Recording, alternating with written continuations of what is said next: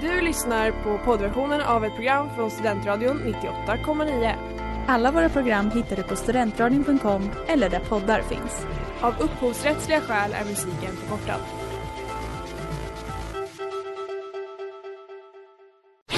Reklam, reklam. Hej där! Tar du ett sabbatsår? Är du klar med din utbildning i höst? Ta då lite tid för att resa utomlands. Upptäck dig själv med ISEC och arbeta med ett sex veckors volontärprojekt kopplat till hållbarhetsmålen i Afrika. Läs mer på rebrand.ly uppsala 2019.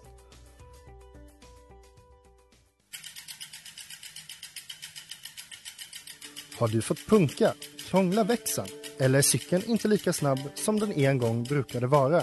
Vänd dig då till Leffes cykel, Uppsalas främsta cykelverkstad sedan 1988.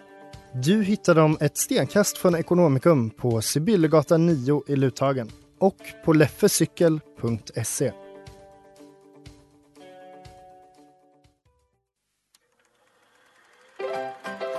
We were on a break! Mrs. Robinson, you're trying to seduce me. Aren't you? Kolla kolla i Studentradion 98,9. Hej kära vänner och hjärtligt välkomna till Kolla kolla på Studentradion 98,9. Er kompass i film och tv-djungeln och med mig, Erik i studion, har jag som vanligt Klara. Hejo! Eh, och dessutom en gäst, terminens första gäst och det är Anneli. Fan, jag hade ingen aning att jag var terminens första. Det är du, tror jag. Jag vet inte, jag slängde ur med det, men det, kanske, det stämmer tror jag.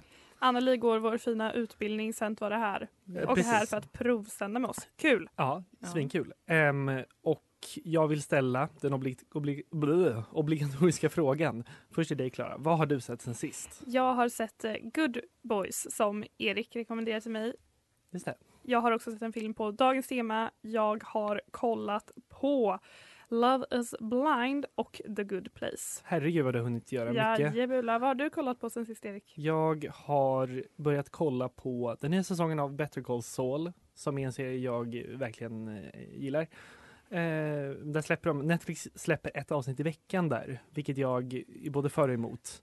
Vilket de inte gör med Det typ kan de inte göra med någon annan serie. Nej, jag den. tror inte det. Men det tror jag inte heller för att de, de producerar den med AMC tror jag, så det är därför.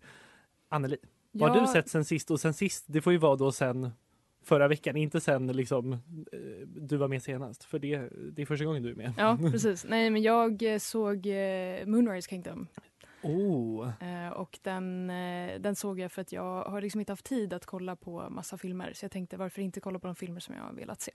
Och då har jag kollat på den. det kopplar ändå an till dagens tema som vi kommer Precis. gå in på alldeles strax. Goodbye, John. Där hörde vi Maple Syrup Tears med Euron John och ni lyssnar som ni gör klockan fyra på torsdagar på Kolla kolla i Studentrör 98,9 där vi idag ska prata om den store Wes Anderson. Jämf- I jämförelse med den lille Wes Anderson. Nej men eh, ja, det här är något jag brinner för. Mm, Det var ju dock eh, Anneli som valde temat. Ja. Hur kommer det sig?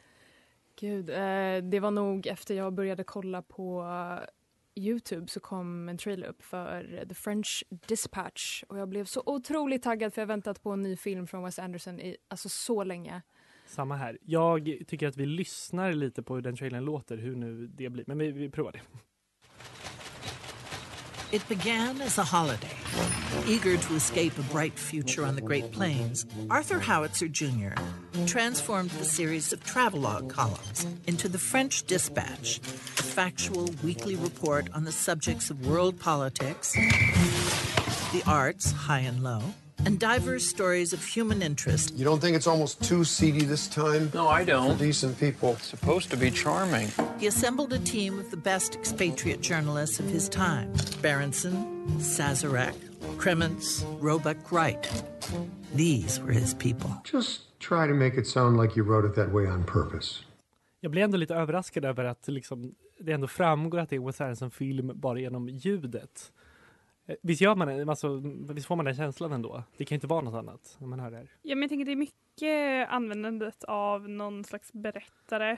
Ja. Den bombiga Ja. musiken. Verkligen. Och Bill Murrays De här röst. gamla instrumenten också, som Ja. han älskar. Bill Murrays röst och Owen Wilsons röst. Eh, men jag, jag undrar eh, kring er, vad har ni för känsla kring Wes Anderson? När jag säger det namnet, vad, vad, vad kommer upp för er? Typ en härlig nostalgisk filmkänsla. Lite typ bak i tiden istället för att nu för tiden så är man så van vid CGI och nya tekniker. Och han drar liksom tillbaks det lite och använder det på sitt eget sätt. Och jag tycker det är så häftigt hur han använder sig av färger och, oj, och allt möjligt. Så jag tycker bara som ni sa, låten och en berättare och sen eh, Bill Murray som kommer in, folk som man känner igen och att han använder sig av samma, ja, typ Mm. det. Klara? Men jag tänker samma, väldigt mycket en visuell upplevelse och många visuella associationer. Och för mig som inte... Ja, men jag... De filmer jag tycker om det är ofta det visuella. Att de är lätta att se på. Så tycker jag också att han är väldigt rolig. Mm. Men, då, Erik? Jag känner samma där. Jag känner att man inte, kanske inte pratar om det så mycket just ehm, hur han använder sig av typ humor och även hur liksom hans stil och tekniker, det kommer vi prata om mer sen, men just hur hans stil och tekniker framhäver typ humorn i eh, ja, men i karaktärerna, i det eh, alldagliga.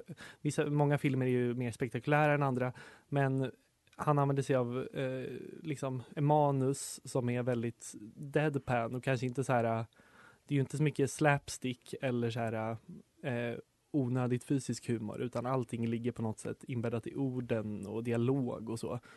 Jag tänker att Wes Anderson är en sån regissör som många känner till just för att han är en sån autör. En autör. Som det kallas. Mm. Och det, jag skulle också ändå säga att han är väl väldigt kritikerrosad, Mm. Allmänt hyllad. Men också hånad. Men också lättillgänglig för breda massan. Ja, jo men så är det ju. Särskilt hans senare filmer.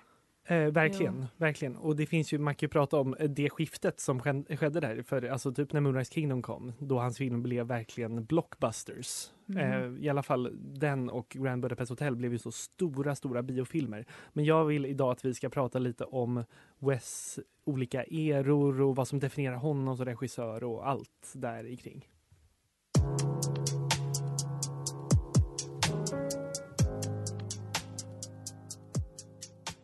Där hörde vi Sanale med Swing och Angel. Eh, ni lyssnar på Kolla kolla i Studentradion 98,9. Idag om Wes Anderson, för alltid om Wes Anderson, kanske på ett eller annat sätt också. Eh, vi har pratat om honom mycket, men idag vill jag att vi ska också gå igenom lite mer på djupet. Och jag vill börja ändå med att eh, men ändå nämna några av de filmer han har gjort. Och också liksom, det finns ju olika eror av Wes Anderson såklart. Ehm, hans första film heter Bottle Rocket som kanske inte många har sett. Den är lite en, men en indiefilm som gjordes på 90-talet. Den har Owen Wilson och Luke Wilson med sig i, i, i huvudrollerna. Och sen har vi då Rushmore, Royal Tenenbaums, Life Aquatic, Darjeeling Limited och Fantastic Mr Fox, Moonrise Kingdom, Grand Budapest Hotel och Isle of Dogs. Jag tror jag fick med alla. alla. Ja, det där är Mm. alltså alla filmer som Han har gjort åtta filmer tror jag, eller vad det nu är. Och de kommer ju inte ut särskilt... Eh, alltså, de kommer ut kanske med tre, fyra års mellanrum alltid. Och det, jag, vet jag tror att det är bra. För eh, jag tror att han behöver den här tiden på sig för att, för att göra... Alla hans produktioner är ju verkligen väldigt tidskrävande och påkostade. Och han är lite av en perfektionist. Kanske bra att nämna att han skriver alla sina Ja, det gör han. filmer också. Han, precis. Ja, men han eh, regisserar, som sagt, det kanske vi inte ens har sagt, han är en regissör. Ja. han regisserar eh, och skriver manus till alla sina filmer och är verkligen så här, han är otroligt deltagande i hur de ser ut och eh, allt med sina filmer. Eh, Han är en visionär. Han är en visionär. Mm. Han har en vision. Ehm, på tal om det, men jag, jag såg en Youtube-video där de pratade om så här, The Worlds of Wes Anderson. Men då var det hans, han som fotar alla hans filmer. Han eh, pratade om hur Wes alltid liksom ska, han, han kan komma med så här, eh, till den här filmfotografen kan han komma med så här klagomål att så här, det är två centimeter till höger, alltså det är för mycket, det är för mycket vitt där till höger. Och så måste kameran liksom justeras med liksom en mikroskop typ, så att det blir rätt. Och det är inte centrerat nog eller Ja, ja, sådana grejer. Men han blev ju kanske först den här perfektionisten alltså, de senaste tio åren skulle jag säga. Mm. För första filmen är lite mer råa och lite mer, ja men lite indie. eh, Dokumentärstil nästan. Precis. Men det finns ju även de element man ser senare sen också. Eh, dels i karaktärerna men också i eh, musikanvändandet. Vilket vi också kommer gå in på sen. Jag tycker också berättandet. Ja, ja men precis. Mycket uppräkningar känns det som. Mm. Om man kan Men så, så. så är det Mm. verkligen. Eh, och men, om vi pratar, du har ju sett Rushmore nyligen Klara. Jajamän. Ja, eh, vi kan prata mer om Rushmore sen helt enkelt. Baby Girl med Young Gun Silver Fox, veckans singel här på Studentradion 98,9. Och veckans singel denna vecka är också vår käre David Mellqvist. Kul! Kul för alla där ute. Kul för alla att David är är feminist. det är han. Det är han. Märkligt. Eh, jag nämnde Rushmore, klar, för du har sett den. Men det är för att jag, jag vill också prata om de olika typerna av Wes Anderson-filmer som jag inte riktigt kom in på i förra pratan. Men ehm, Rushmore är ju kanske lite mer av en, en film som fokuserar på en karaktär i huvudsak. Eh, Max Fisher heter han där. Eh, som spelas av Jason, Jason Schwartzman. Eh, och sen Det är så har vi... svårt namn att Det säga. är jättesvårt. Det är mycket sh i det namnet. Men, ehm, och sen så i den liksom kategorin filmer tycker jag också bland att Darjeeling Limited eh, ändå faller. Där har vi liksom ett litet persongalleri och där Mm. man lite mer utforskar relationer mellan personer. Ehm, samma med Moonrise Kingdom till viss del, där det ändå är liksom en kärlekshistoria. Ehm, Men är inte familj ganska centralt? familj är verkligen centralt. Absolut. Och, ja, men, eh, första gången det är centralt är väl kanske i Royal Tenenbaums. Där mm, alltså hela, det, det handlar ju om den här pappan som är döende och alla hans barn och barnbarn och så vidare. Och samma kan jag tycka lite med eh, eh, äh, Fantastic Mr Fox är också väldigt mycket familj Ja. Eh, på ett sätt. Även Moonrise Kingdom Ja, kan man säga. gud ja. Det är i alla fall en familj med.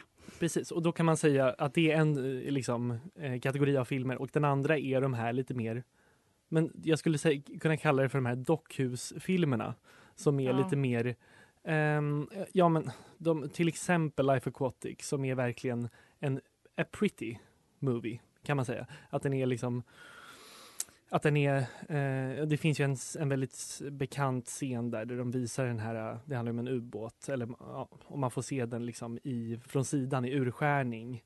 Men det, är- det finns många sådana moment i alla Wes Anderson-filmer, men jag skulle säga att den är lite mer dockhusig i att den är lite, liksom lite gullig och lite, lite så quirky genom hela och inte så, mm, inte supersorglig kanske.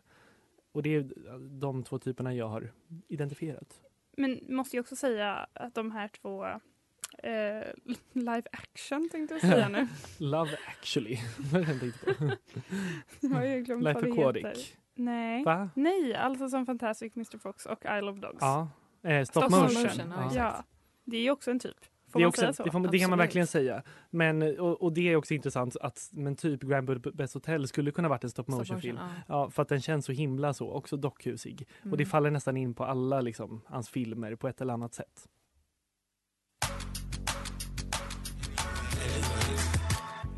Ja, tjena, jag kan få en studentradio. Ska bli.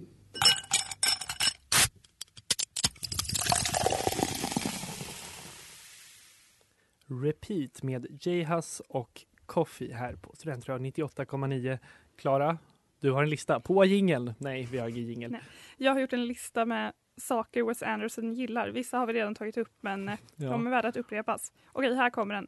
Uniformer, deadpan, knepiga män, symmetri, all things preppy, bröderna Wilson, barn. Och här kommer några underkategorier. Killbarn, barn i grupp, barn som beter sig som vuxna. Fortsätter. Karaktärer som befinner sig på spektrat, huvudbonader och fordon som går lite för långsamt. Där har vi en otrolig lista. Fordon som går lite för långsamt är ju, är ju jättebra. Gamla bilar som inte riktigt fungerar, tänker jag heller, som är lite så, låter mycket och har sig. Har också en spaning. Om Wes Anderson hade varit kock hade han jobbat mycket med negative space plating. Det var det. Vad är det? jag känner igen det. Det är alltså när man lägger upp mat och så kanske man lägger maten bara i ena hörnet. Jaha.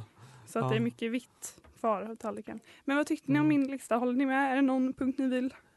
Jag, jag vill inte, jag är inte säga emot den här listan. Jag tycker allt stämmer, men jag tror att man kan göra den här listan nästan oändligt lång. För att han, det är väldigt mycket detaljer och det är väldigt mycket som återkommer.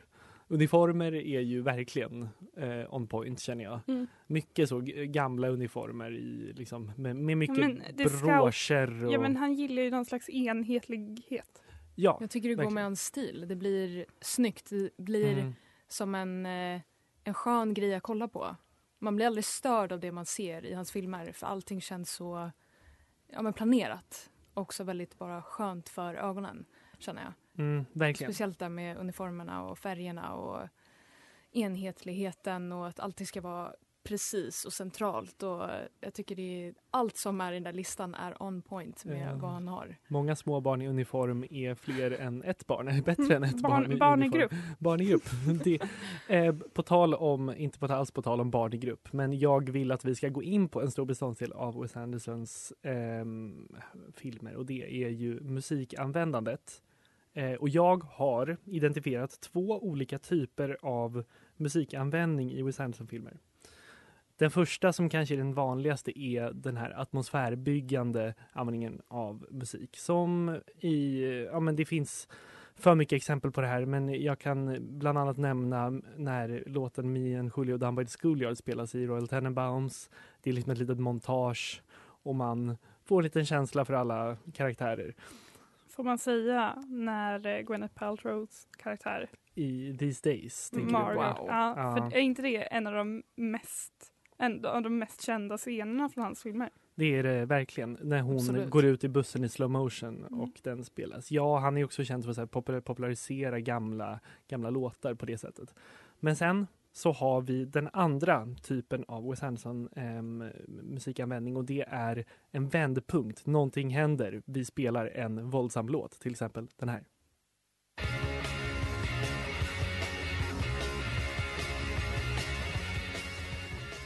Search and Destroy med The Stooges från The Life Aquatic with Steve Zissou, en Wes Anderson-film. Och jag vill gå in på Wes Andersons visuella stil. Det har ni alla väntat på att få höra, tänker jag, för det är ju det man kanske tänker på mest. Och det är det finns mycket man kan prata om i kamerateknik. Det finns de här snabba panoreringarna där man kanske i Grand Budapest Hotel är det liksom i en hotellkorridor att den först liksom kollar ner för en hotellkorridor, kameran står i hörnet och så, så liksom eh, swipar den över till andra hotellkorridoren som är liksom, ja, andra vinkeln. Du har ju också gjort en eh, Wes Anderson-hyllning på vår Instagram-story. Ja. Kolla kolla 989. Det stämmer bra det.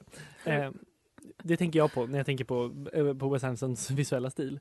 Eh, är det något ni tänker på? Alltså, Alltså jag tänker på kamera som du säger.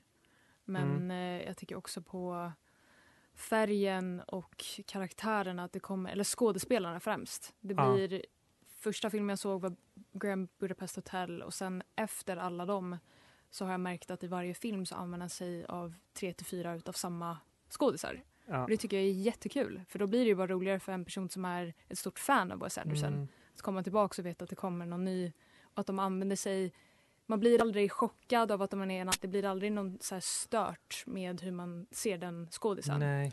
Det här pratar vi också om när vi pratar om en person som nämns alldeles för sä- sällan i samma andetag som Wes Anderson, nämligen Judd Apatow. Ja, och där har vi också samma typ av skådisar. Men jag tycker just i Wes Andersons fall så kanske man inte ryggar, rycker på axlarna för att det är som att alla hans filmer existerar på ett eller annat sätt i samma värld fast liksom ändå inte. Det är som olika men bara olika liksom universum fast i samma värld på något sätt. Ja, jo, Eh, det, det kan jag definitivt hålla med om. Ja, Jag så tror här- därför man inte blir störd av att det är samma skådisar och att man tänker att ah, men de spelade ju en annan karaktär i en annan film. Mm, precis. Jag tänker också att det sa jag på min lista där, men karaktärer som befinner sig på spektrat och deadpan. Ja. Vilket jag tycker präglar väldigt mycket av karaktärerna som finns i Wes Andersons filmer men också deras sätt att eh, leverera sina lines, sina repliker. Att det är ju inte så mycket, alltså i, den, i dialogen så är det sällan mycket känslouttryck Nej, utan alla är ganska neutrala. Ja, men det, jag tänker också att Wes Anderson liksom använder sig mer av liksom kamera, musik, alltså av, av det för att gestalta känslolivet än att, liksom, att karaktärerna ska säga hur de känner sig eller visa det i Mm. ansiktet. Till exempel These Days. Ja, men verkligen. Scenen. Ehm, sen tänker jag också att det visuella, att det är väldigt mycket en, eh, alltså en annan del av det visuella är, är att det är väldigt mycket plock och så kam- filmar ovanifrån. Att någon kanske lägger upp en, liksom en frimärksbok, bläddrar i den, skriver ner saker. Det är väldigt mycket så eh, plockfilmat ovanifrån. Vilket även eh, kommer i de stop motion-filmerna som den eh, sushi-scenen i Isle Oh of ja, Dogs. absolut. Som eh, du berättade Anneli att, det, att den tog liksom månader typ. Ja, göra. jag kollade bara upp vad de hade för eh, tekniker med just en stop motion. Och så började Mm. de prata om sushi-scenen och så sa de att det tog två månader att filma, jag tror det var max 10 sekunder. Herregud. Ja. Och det är ju väldigt snabbt också. Mm. Så det måste ha tagit hur mycket tid som helst. Ja, eh, nej men det, för det, det är också verkligen en sån, ett visuellt kännetecken med Wes Anderson. Sen så vill jag även nämna att eh, det finns, eller att det är mycket slow motion, många montage i slow motion, vilket är väldigt snyggt. Eh, nu ska vi lyssna på en annan Wes Anderson-låt som går mer på temat kanske atmosfäriskt. Det här är Le, Le Temps de l'amour med François Audi.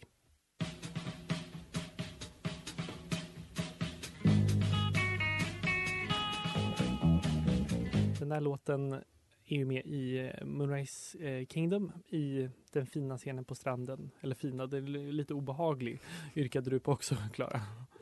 Ja, för att det är två barn Mm. som ska ha lite sexy time. Ja, de är 12. Ja, man blev lite obekväm. Ja, men det är också fint. Det är ju det. Men jag hade en fråga. Vi pratade lite om Jason Schwartzman i, i eh, pausen i musiken. Ehm, och det, det, har vi pratat om det någon gång, hur han är släkt med eh, familjen Coppola? Mm, och att ja. Roman Coppola har ju varit med och skrivit, eller vad det nu är, French Dispatch. Han har varit med och skrivit många Wes Anderson-filmer. Ehm, han har skrivit, nu ska vi se om jag kommer ihåg, han har skrivit manuset till Fantastic Mr Fox och även till eh, eh, han har varit med till Darjeeling, har han skrivit manuset till och till uh, någon till kanske. Ja, det var inte det jag ville prata om. Det jag ville fråga er är eh, Jason Schwartzman, snygg? Mm. Frågetecken. Anneli börjar. Mm, Alltså jag skulle säga att han är söt, som vi har snackat om under pausen. Att han har liksom typ inte åldrats, så han är väldigt, han är lite babyface. Så jag tycker han är söt, men jag tycker inte att han är snygg direkt. Erik? N- nej, jag håller väl med. Jag tycker han är, han är lite för liksom, han är lite kort och han är lite liksom han, alltså dock, han skaffade ju skägg inför typ när de skulle göra reklam för eh, Isle of Dogs och eh, de reste runt världen. Då hade han ett snyggt skägg och då kände jag, ja, alltså det gjorde något med hans ansikte. Det klädde honom, men han är ju inte, han är ju lite för kort och lite för liksom eh, kompakt i sin kroppsform. Han var snygg i Grand Budapest. Där kan jag säga att han var snygg. Mm. Jag tycker att han, han har något. Och där går vi vidare från det utseendefixerade segmentet Men av det jag här vill, programmet. inte, jag vill inte gå vidare från just Jason Schwartzman kanske, för jag vill ändå att vi kan prata lite mer om eh, karaktärerna. Han använder sig av, som du pratade om Anneli, av liksom ett gäng skådisar i alla filmer. Och det är ofta att han tar liksom in en sån, en liten gamling. En lite, men, någon som har varit inaktuell ett tag. Det var ju bland annat Wes Anderson som populariserade Bill Murray igen och gav honom eh, nya jobb. Ja, kul. Charlies änglar som jag pratade om tidigare. Den viktigaste filmen han gjort. Men jag tycker att han har liksom fört nästan alla de här karaktärerna, eller alla de här skådespelarna samman i den nya filmen. Får jag läsa upp Precis. min lista över personer som ska vara med i den? Eller ska jag ta det senare? jag tror inte vi hinner klara det. Okej, Adrian Brody, Tilda Swinton, Lea Seydoux, Frances McDormand, Timothy Chalamet, Bill Murray, Owen Wilson, Edward Norton, Willem Dafoe, Saoirse Ronan, Schwartzman, Angelica Houston, Elizabeth Moss. Några av dem har ju varit med i hans tidigare Ja, filmer. men Timothy Chalamet och Elizabeth Moss är väl ändå de, De är nya. spännande tillskotten tycker jag också. Um, något som är sjukt är att inte Greta Gerwig har varit med i någon Wes Anderson-film. Hon känns perfekt klippt och skuren för det. Verkligen. Ja. Det hade varit kul. Mm. Men, Men- hon kanske inte är skådis längre på det sättet. Och, men eh, det är konstigt att det inte har hänt bara, tycker jag. Va, var det har för- en liten collab på något sätt. Ja, men det tycker jag. Och, men vad- har ni någon, eller vad känner ni inför The French Dispatch? Ja, men jag pratade om det tidigare, det var därför jag tog fram den här listan. Att jag kände mig överväldigad bara av trailern. Det är någonting med när det är alldeles för många människor med. Jag tänker till exempel på filmen Valentine's Day. om någon Men minns. det, det är ju det galnaste Eller att typ- den har gjorts. Ja. Eller Ja, New Year's Eve. Ja, alltså det är liksom en, en Love actually på crack. Typ. Ja. Att man bara, det blir för mycket. Det är 45 Och- ja, men världsstjärnor i samma har- film. Och som jag har förstått det så är det väl olika årtionden eller någonting som de visar den här tidningen Ja. som den handlar om. Eller olika... Det är olika stories i den här tidningen Ja. som liksom skildras. Ja, tre olika under en eh, ja, De tre bästa. Typ. Och då vill jag ställa frågan, behöver vi fler än en? Ja, men lite så. För det som blir luddigt är ju att det inte finns någon, liksom, eh, någon, någon större huvudkaraktär. För det är ju de, typ, jag vet inte, jag tycker mer om Wes Andersons karaktärsstudie eller Ja, personporträtt om. än de här eh, massiva, liksom, ja men, eh, de här massiva eh, castarna. Ehm, Det var väl eh, allt om Wes Anderson idag, men vi ska prata mer i det här programmet, det lovar jag.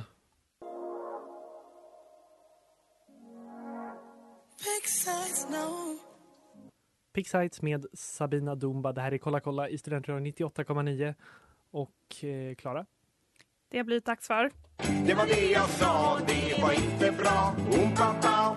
Veckans inte bra. Och eh, jag är inte den första som har sett Love is blind. Jag kommer inte bli den sista. Det känns som det har varit väldigt omsnackat. Jag tror att Love is blind har kommit upp i kanske tre av tio samtal som jag har haft. Är det sant? Alltså- Du ska inte prata om guldglasen nu va? Nej, jag ska Nej. inte prata om guldglaset. Tack. Nej, men det här, jag, det, har inget, jag, det här är inget nytt, det jag ska säga. Nej. Men jag vill bara påpeka att Barnett ser ut som skit hela tiden. Alltså om jag hade snackat med honom och bara Oh Barnett, he's so, we're so similar, he's so funny. Och så kom han ut och har någon liten hawaiiskjorta och en ful billabong byxa. han blir jätteupprörd. Men och det jag framförallt vill påpeka det är något ett samtal han har med Jessica när Jessica har varit full och sagt något dumt som vanligt och han har på sig en jätteful mössa. Och jag har, då, därför så bad jag Erik ta med en ful mössa som han äger och ta en bild på honom så Åh att vi nej, kan var det jämföra vem som har fulast mössa. Om det är Barnett Så från. Love is blind Ja. eller om det är Erik Wallmark. Jag känner mig som en, eh, som en Sanna nu, men alltså jag känner mig som en, som en blek vägg. eh, För att jag inte fattar det här alls. Men Jag tycker du ser ut att vara en röd vägg just nu. Jag vet inte. ja, Eh, så alltså Barnetts stil, framförallt Barnetts mössa från Love is blind, det var Det var det jag sa, det var inte bra. Oom-pa-pa. Och med Nationalteaterns ord så vill vi säga tack för idag. Tack Anneli för att Tack du kom för att jag hit. fick komma. Ja, det var kul att du ville komma och prata om eh, Wes Anderson. Den store Wes Anderson. Mr Wesley Anderson. Mr Wesley Anderson. Och vi är tillbaka, du och jag, Klara, nästa vecka med någonting eh, kul och spännande. Vi kommer guida er genom film och tv i djungeln som vi alltid gör. Tack! Du har lyssnat på poddversion av ett program från Studentradion 98,9. Alla våra program hittar du på studentradion.com eller där poddar finns. Och kom ihåg, att lyssna fritt är stort, att lyssna rätt är större.